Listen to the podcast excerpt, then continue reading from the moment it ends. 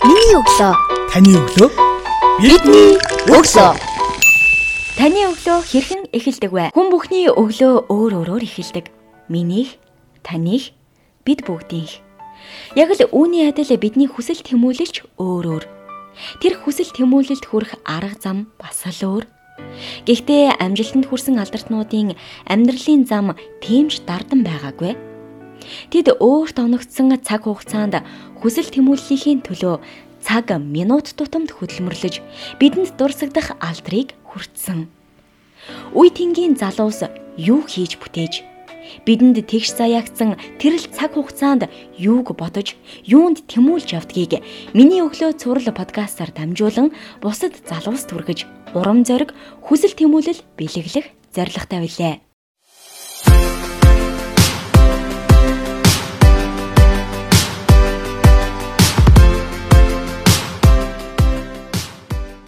Сонсогчтанд шинэ 7 хоногийн өглөөний мэндийг хүргэе. Миний өглөө цуврал подкаст ээлж дугаар эхэлж байна. Энэ удаагийн дугаартаа бид улс төр судлаач Зол жаргалтай ярилцж байна. Танд шинэ 7 хоногийн өглөөний мэндийг хүргэе. Энэ өмнөөс бидний урилгыг хүлээж авч ярилцахаас танд маш их баярлалаа. За юуны өмнө сонсогчдоо бас энэ өдрийн мэнд төргий бас хөтлөгчдөө энэ өдрийн мэнд төргий. Аа миний өглөө подкастт оролцох боломж олгосон бас баярлалаа. За, золоогийн өглөө ирэх яаж эхэлдэг вэ? За миний өглөө болохоор өглөө ер нь яг хуу тогтмол ер нь 7-аас 8 цагийн хоорондыг сэрчдэг. Аа тэгээд өглөө ерөөдөө өмнөх өдөр төлөвлөсөн яг ажлуудаа аа тэмдэглэлийн дотор дээрээс шалгаж аа тэгээд яг ажлаа төлөвлөд эхэлдэг байгаа. Тэгээд аюуны өмнөхөө миний хувьд болохоор ажлуудаа хөвчлөгээр нь тэмдэглэлийн дэвтэр дээр бичиж тэмдэглэх ер нь дуртай. Тэгээ ер нь тэгж хөвшсөн байгаа. Өглөөсөө хамгийн түрүүнд хийдэг дадал зуршил болсон үйлдэл бий юу? Тийм үйлдэлээ тэгвэл хамгийн түрүүнд сэрэж юу гэдэг вэ? Аа хамгийн хамгийн түрүүнд өглөөс ирээд кофега чанж уудаг байгаа. Ер нь хөвчлөөр нь би хар кофе уудгийг. Тэгээд өглөөнийхөө бас жижигхэн баган дасгал хийдэг. Тэгэж өглөө эхлүүлдэг байгаа. Яг одоо төвлөрч хийж байгаа судалгааныхаа ажлаасаа бидэнд хуваалцаач сүүлийн үед ямар судалгааны дээр төлөрч ажиллаж байгаа вэ? Тийм одоогийн байдлаар би яг бүтэн цагийн ажилд бас ажилд ажил хийгээгүй байгаа. Хөвчлэн одоо нөгөө фриланс буюу чөлөөт судлаач, энэ хараат бус судлаач гэдэг статустайгаар энэ ажиллаж байгаа гэсэн үг. А сүүлийн үед болохоор уншиж судалсан ажлууд юм бол улс төрийн намын тухай хуулийн шинжилсэн найруулгын төслийг яг уншиж судлаад яг засаж сайжруулах зүйл юу вэ? Гэдэг тал дээр нь бусад улсуудын туршлагыг бас харьцуулан судалж байгаа. Тэгээ энэ тал дээр э, болохоор ихшин одоо нэг бодлогод залуусын хяналт гээд төрийн бус байгууллагын бас үйл ажиллагаануудаас идэвхтэй оролцоод санал зөвлөмжөө хэлээд явж байгаа. Аа. Хүнд байх ёстой хамгийн чухал гурван чадрыг нэрлэеч гэвэл золоогийн зүгээс ямар гурван чадрыг сонгох вэ? Ягаад энэ гурван чадрыг сонгож байгаа вэ? Аа, юуны өмнө эхлээд сайн төлөвлөлт маш чухал. Хийгч байгаа ажил сараар улирлаар сайн төлөвлөөд биччихвэл тухайн яг төлөвлөсөн ажлуудаа хийхэд илүү нөхөн байдаг. Хоёрдугаар гэх юм бол цаг баримтлах гэдэг бол маш чухал. Ялангуяа залуу хүний хувьд яг тогтсон хуваарийн дагуу хэрэв уулзалт хурал хурал төлөвлөсөн бол яг тэр цагаасаа ор хаяж 1 цагаас 30 минутын өмнө ирээд өөрийгөө бэлдээд ярих сэдвээ төлөвлөөд бэлтжүүлэх амар байдаг. А 3 дугаарт гэх юм бол эмх зэгцмийн хөдөлгөөр маш чухал гэж боддог. А ягаад тэгэхээр яг одоо миний яг төлөвлөсөн ажлуудаа их цаг хугацаанд нь хийж хөөсдөхэд яг өөрийнхөө ажлын ширээн дээр яг байх ёстой яг ном тохимол гарын авалгуудаа яг зэгцлээд яг тавьчих юм бол ер нь эргээд хэрэглэхэд бас маш амархан байдаг. Аха. Тий. Тэгээд чадвар Сүүлд хийж байгаа судалгааны ажлынхаа сонин сайтаас хуваалцъя. Санал зөвлөмжөө судлаачийн хувьд улс төрийн намын тухай хууль дээр шинжилсэн найруулган дээр бол хилээж явж байгаа юм байна. Судлаачийн өнцгөөс харахад энэ хуулийн шинжилсэн найруулга дээр ямар ямар нийтлэг алдаа дутагдал байна? Бусад улс оронтой харьцуулахад. Аа улс төрийн намын тухай хуулийг яг Монгол улсын хувьд 2005 онд анх батлагдсан. Тэгээ яг гол нь нэг залуучуудын зүгээс бодлогод яаж нөлөөлөх вэ? Тэгээ шийдвэр гаргалтанд яаж нөлөөлөх гэдэг талаас нь ингээд судлаад үзэхэд гол нь нөгөө ил тод байдал маш чухал байгаа бид нар сонгуул болгоноор ингээд саналаа өгдөг ч гэсэн тэр намууд санхүүжилтээ яаж босгож байна санхүүжилтийн харьцуулалт нь хэр ил тод байна гэдэг бол маш чухал. А хоёрдугаарт болохоор тухайн улс төрийн намуудын хотод ардчлал маш чухал. Яагаад тэгэхээр яг тэр дотоод сонгуулаа хэрхэн явуулдгийг энэ дундаа ахмад дунд залуу үеийн төлөөллийг хэрхэн хангадгийг энэ тал дээр бас бусад одоо ихэвчлэн ер нь бусад улсуудын туршлагуудыг бол харьцуулан судалсан. Герман улсын хувьд улс төрийн намын тухай хуулийг бол маш сайн нарийн зохицуулалт нь аягүй сайн хийгдсэн байдаг. А хөвчлэн санхүүжилт тал дээр бол маш их анхаарсан байдаг юм билээ. Тэгээ 3 дугаар гэх юм бол миний хувьд улс төрийн намын хатуу гишүүнчлийг бол ер нь бол дэмждэг үү талтай хүн байна.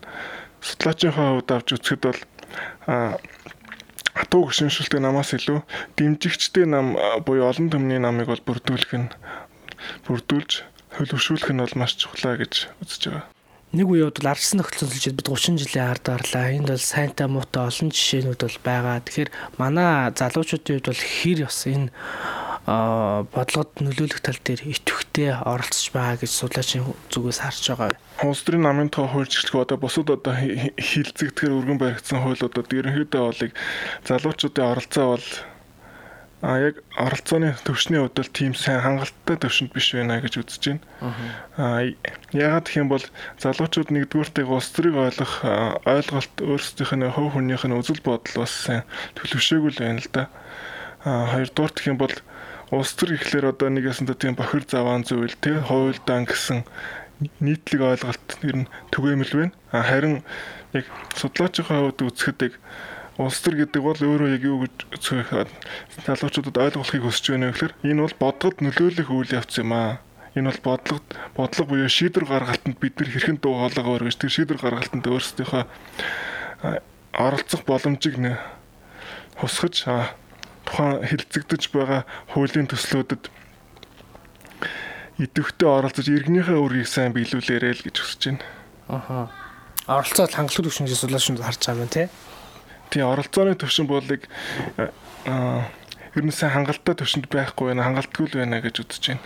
Аа нөгөө улс төр гэхээр л танил тал цүнхвэр ашигсан нэг нийтлэг одоо улс төрчийг нийгэм дүрсэлж байгаа дүрсэл нь өөрөө хөл мэдээллээр ч сошиал медиа ашигласан ингээд аа шудраг хүн байдггүй а нөлөө бүхий бизнесмен байдаг, датлаа түтлээтэй байдаг, өөрийн одоо эдийн засаг бизнесийн байгууллагатай ашигталтай, ашиг сонирхлын зуршилтай хууль баталтай. Тэгэхээр тийш бол дандаа л нэг аа сайн биш хүмүүс ордог гэсэн хөвшмөл ойлголт нийтийн дунд байсаар л байна гэж харж байгаа юм тий. Тий, ер нь бол нийтийн дунд бол хөвшмөл ойлголт байна.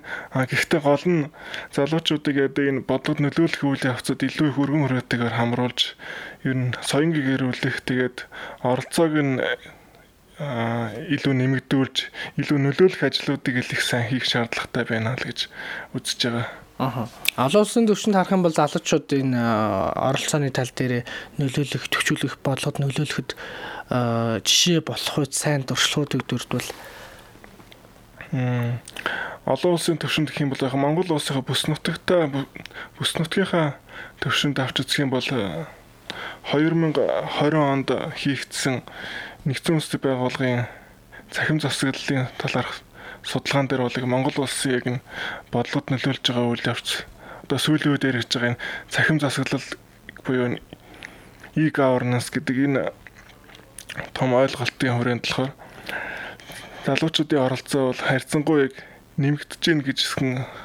гэсэн судалгааны дүн бол гарсан байгаа. А тэгтээ бол яг тухайн яг индексээрээ оролцооны индексээрээ бол дэлхийн 180 улсаас 110 дугаар байранд байна гэж би сүлд уншиж байсан. Тийм. Тэгэхээр бол бас тийм ч хангалттай бас биш байна гэж ойлгож байна. Оролцоог сайжруулахын тулд бид юу хийх ёстой юм бол? Оролцоог сайжруулахын тулд гол нь одоо энэ манай бодлого гаргаж байгаа энэ улс төрийн намууд, төрийн бүс байгууллагууд ер нь голчлон хамгийн гол нь нөлөөллийн ажлуудыг их сайн хийх хэрэгтэй. А мөн ил тод байдлаа өөрсдөөсөө хангаж ажиллах шаардлагатай байна. Тэгээ сайн засаглалыг бас нэвтрүүлэх хэрэгтэй байна.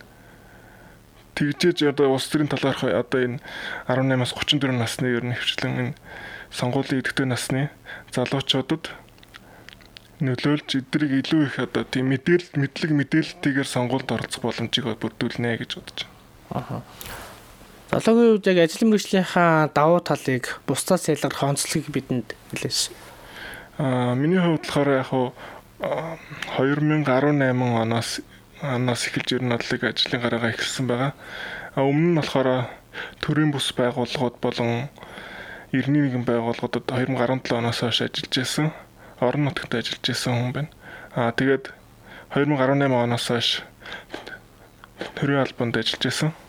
А тэгээд 2019 оноос эхлээд хараат бус судлаач, бие даасан судлаачаар ажиллах ер нь бол өөрийнхөө өсөл сонирхолтой хөтлөгдөд тэгээд ер нь бас хоёрдугаарт багшлах, илүү багшлах тэгээд соён гэрүүлэх тал дээр ажиллах өсөл сонирхолтой хөтлөгдөд ингээд ажиллаж байна.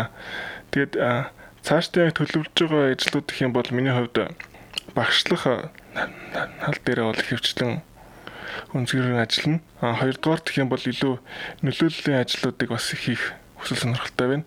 А гуравдугаар гэх юм бол яг энэ залуучуудын оролцоог нэмэгдүүлэх тал дээр илүү их бодтой болох юмхийн тулд гол нь эдгэрт залуучуудад хүртээмжтэйгээр бодлого нөлөөлөх гарын авалгуудыг гарын авалгын сурах бичгүүдийг их гаргаж тэднийг одоо хянан тохиолдуулахад их ажиллах сонирхолтой юм да. Улс төрч мэрэгчлийг яаж сонгосон бэ? Улс төрч судлаачийг улс төр судлалаа ингэж суралцж байгаа гэл орохоор нийтлэг бас нэг хишмэл ойлголт нь улс төрийг юугийн судалтын ингээл нэг тийм буурангу үзэлтэй хүмүүсээс их байгаад шүү дээ. Энэ мэрэгчлийг энэ мэрэгжлийн ач холбогдол үнцнийг бас одоо энэ хавар устай холбогдуулаад одоо эсэлцийн мэрэгжилд өгч байгаа дүүнер маань улс төрч судлаач мэрэгчлэр сургууль суралцгаж байгаа бол мэрэгжлийн тухай бас өсвөр насны залуучуудад зөвлөвөл яг одоо миний өглөө подкастыг сонсож байгаа бай сонсогч нар бол 18-аас 22 насны залуучууд төлхөө сонсоод байгаа юм л да. Тэгэхээр яг лид мэрэгчлээс хэрхэн яаж сонгох эсвэл мэрэгчлээ сонгоод дөрөв жил сураад төгсөөж яг ажил мэрэгчлийн талбай дээр гарч байгаа залуу мэрэгчлэнүүд бол чиглэгдэж сонсогдоод байна. Тэгэхээр эдгээр залуучууд хандаж бас мэрэгжлийн талаарх одоо промошн хийвэл те. За Миний болохоор 2009 онд 11-р анги төгсөжсэн хойд тэгээд яг хоо миний хувьд болохоор хвчлэн олон улсын харилцааны чиглэл ерөнхийдөө энэ олон улсын улс төрийн чиглэлийн одоо энэ олон улсын мэдээх үздэг байсан л да. Тэгээд энэ олон улсын үйл явц маш их сонирхолтой санагддаг байсан. Тэгээд энэ чиглэлээр би ерөн сурах хэрэгтэй мэн гэд би яг нийгмийн ухааны хичээл, англи хэлний хичээл, түүхийн хичээлүүд дээр хвчлээ энэ гурван хичээл дээр төвлөрчийг бэлдсэн байгаа.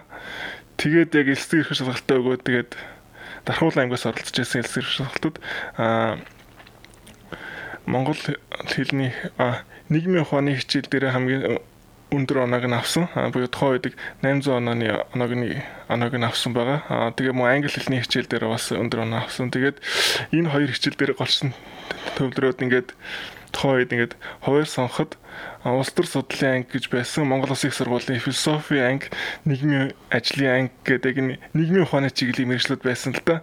Тэгээ яг би бодож байгаа за миний яг сонгоход яг хамгийн ойролцоо энэ мэрэгчлэр яг хамгийн ойролцоо нийгмийн ухааны мэрэгжил юу вэ гэд ингээд судлаад үзэхэд бол улс төр судлалын анги байсан. Тэгээд яг ихний нэгдүгээр курст ороод энэ мэрэгчнийхаа талаар ер нь бол ойлголттой байсан ч гэсэн яг нэгдүгээр курст надад нэг онол үздэг шүү дээ. Ерөнхий онол тэгээд улс төрийн сэтгэлгээний түүхэн төр хичээлүүдийг үзэхэд бол эхэндээ бол миний хувьд жоохон сонирхолгүй ч юм уу одоо жоохон тийм уйтгартай ч юм шиг санагдчихсан.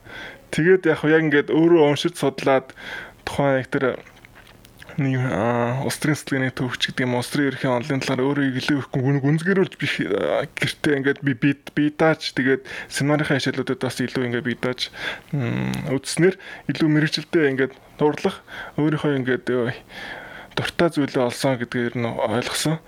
Аа тэгээд одоо 12 дугаар анги хөгсөж байгаа ахлах анги сурагчдад юу гэж зөвлөх вэ гэхэлэр би яг ямар ямар хичээлүүдтэй ер нь илүү хортой вэ? Гэдгийг эхлээд сайн ойлгох хэрэгтэй. Хоёрдугаарт яг энэ хичээлүүдээ судалснаар би яг ямар ямар чиглэлээр ч гэдэг шилэх юм бол нийгмийн ухааны чиглэлээр би яг суралцах сонирхолтой байна уу? Байгалийн ухааны чиглэлээр суралцах сонирхолтой байна уу? Эсвэл олон улсын харилцаа нийтийн удирдлагын чиглэлээр суралцах хэрэгтэй байна гэдэг ч юм олон салбарууд байгаа л да. Энэ чиглэлээр маш сайн олоод тэгээд яг мэрэгжлийнхаа яг хөтөлбөрийг маш сайн зөв сонгоорой л гэж зөвлөмөр байна. Тэгээд улс төр судлаач мэрэгжлийн хөтөлбөр хүмүүс ер нь их буруугаар ойлгоод байдаг л да олон нийтийн тонд улс төр ч юм уу чи гэдэг гэж гэсэн ойлголтууд их байдаг. А энэ болохоор шал ондоо ойлголт л да. Улс төрийн шинжилгээ ухаан гэдэг нэгдсэн одоо ерөнхий ойлголт том шин нийгмийн шинжилгээ ухааны нэг том салбарын хүрээнд агуулгаддаг байгаа. Тэгээд энэ шинжилгээ ухаан болохоор Монголд яг 1900 90 оноос хойш өөрчлөлтөн байгуулалт эхлээд одоо нэг арчилсан шинжилэлт өөрчлөлт эхэлснээс хойш яг энэ улс төрийн шинжилгээ ухаан улс төр судлал гэсэн яг энэ том салбар ухаан болыг орчин үеийн жишгэрийг хөгжиж эхэлсэн байгаа. Харин түүний өмнө болохоор шинжлэх ухааны коммунизмын онол гэж байсан.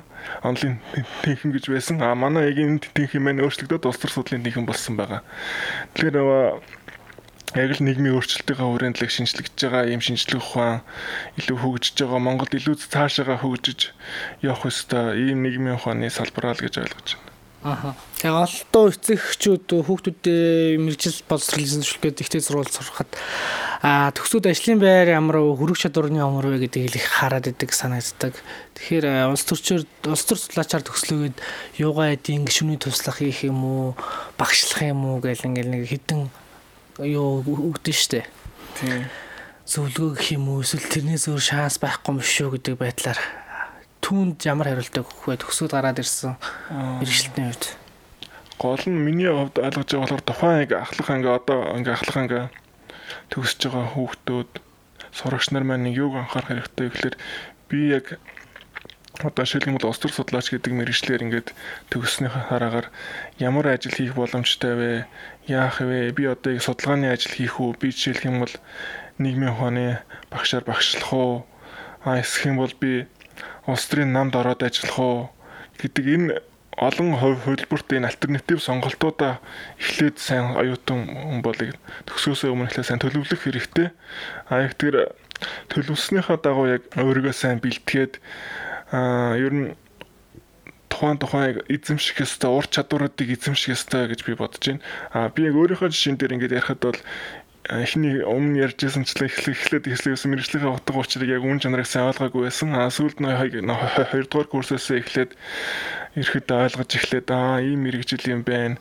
Энэ чиглэлээр суснараа би ингээ олон талтай ингээд ажиллаж болох юм байна. Аа олон чиглэлээр хөрвүүлж болох юм байна гэж би ойлгосон.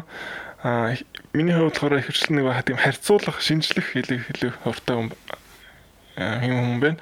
Аа ихэвчлэн нэг би одхон үедээ харьцуулсан улс төр судлалын чиглэлээр маш сайн сонирхож ер нь өөр улсуудын туршлага байна. Бүс нутгууд Монгол улс хаана явж байна гэх мэтчлэн энэ харьцуулах, шинжлэх тэгээд нэгтгэх, нүгнэх тал дээр ер нь их ажил өөрийгөө их бэлтгэж байсан.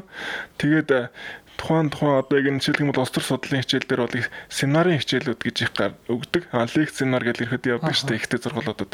Тэг яг семинарын хичээлдээ яг илүү их үр бүтээлтэйгээр бэлтгэхийн тулд тухайн яг мэрэгжлийн эзэмшиж байгаа оюутан бол илүү их бүтээлч байх хэрэгтэй. Бусад оюутнаас илүү бүтээлч буюу одоо жишээлх юм бол өөрийнхөө нэгдүгürt энэ бол хэлнийхээ мэдлийг сайн сайжруулах хэрэгтэй гэж би бодож байна. Хан ганц англи хэл гэлтгүй орос хэл, япон хэл, хятад хэл ерөнхийдөө улс төр судлаар төгсөж байгаа сурж байгаа оюутнууд бол эзэмших юм бол маш чухлаа гэж би ойлгодог. А миний хувьд болохоор яг орос хэллийг үзчихсэн ч гэсэн яг анхны шатны төвшөнд англи хэлний төвшөнд болохоор би улс төр судлаар суснаар бол маш их тийм өөртөө агуу байдлыг бий болгосон гэж боддог. Англи хэллийг болохоор илүү их мэрэгжлийн төвшөнд ялангуяа улс төрийн англи хэл гэж байдаг л да. А улс төрийн одоо тухайн гадаад улсын олон улсын мэдээ а улс төрийн шинжилгээ ухааны ном тохиомлууд эрдэм шинжилгээний онлайн өгүүлэлүүдийг уншихад бол англи хэлний мэдлэг бол маш чухал байдаг. А жишээлх юм бол тухайн ингээд эрдэм шинжилгээний өгүүлэлийг оюутан хүн ингээд семинарынхаа хичээлдээ ашиглахдаа бол тухайн эрдэм шинжилгээний өгүүллийг бүтцийг ойлгоно. Тэгээд эрхүүд агуулга гэдэг ер нь бүх талаас нь ойлгож тухайн улс төр судлалынхаа нэр томьёонуудыг маш сайн мэдэж авснаар тухайн яг хөлийг эзэмшиж цаашдаа хичээл сургуульд ашиглах, цаашдаа ажил мэргэжилдээ ашиглах, судалгааныхаа ажилд ашиглах илүү үр төхөмтэй байдаг. Тийм учраас одоо шин төгсөж байгаа сурагч нар маань залуучууд маань хэл хэлнийхээ мэдлийг маш сайн сайжруулах хэрэгтэй. Ихснэр илүү их өргөн боломж бий болно. Гадаадд солилцоогоор явах ч юм уу, улс төрийнхаа чиглэлээр гадаадд мэрэгчтэй ишүүлэх ч юм уу, өргөн боломж бий болно гэж зөвлөмөр байна. Аха. Бидний сонсож байгаа сонсогчдыг оролцож байгаа зочин болгоо нийгэмдээ чиглэсэн хэрэг өөрчлөлт хураалга дэвшүүлээд яриагаа өндөрлөг зоологийн зүгээс манай сонсогчдыг юунд дуурайлах вэ? Аа миний хувьд болохоор яг нийгэмдээ чиглэсэн ямар өөрчлөлт хэрэгтэй вэ гэхлээр мэрэгжлийнхаа үүднээс авч үзэхэд бол илүү их аа залуучуудыг ялангуяа энэ улс төр судлал тэгээд энэ олон улсын харилцааны энэ үйл явдлуудыг ер нь бол их сонирхон үзээрэй, судлаарай. Маш сонирхолтой шинжлэх ухаан, нийгмийн шинжлэх ухааны маш сонирхолтой салбар шүү гэж хэлмээр байна. Тэгээд гол нь одоо яг энэ мэрэгжлийн төгссөн яг салбарын залуучуудад хэлэхэд бол одоо улс төр судлал гэдэг энэ улсын шинжилгээ ухаан гэдэг ч юм одоо энэ сонгогчийн боловсрол гэдэг энэ тал дээр илүү их ажиллаарай. Тэгээд гол нь бид нар сайн нөлөөлж одоо зөв ойлголт төрүүлж илүү хил тод байдлыг хангаж намуудыг илүү хил тод байх ёстой гэж шаардаж шахаж бид нар өөрсдөө сайн оролцоогоо идэвхжүүлж хамгийн гол нь сонгуулийнхаа оролцоог маш сайн байлгаж идэвхтэй нөлөөлөх шаардлагатай байна л гэж хэлмээр байна. За маш их баярлалаа цаг зав гаргаж манай сонсогчдод ярилцсанд цаашдынхан судалгааны ажил төвлөрсөн дөр амжилт хүсье. За баярлалаа.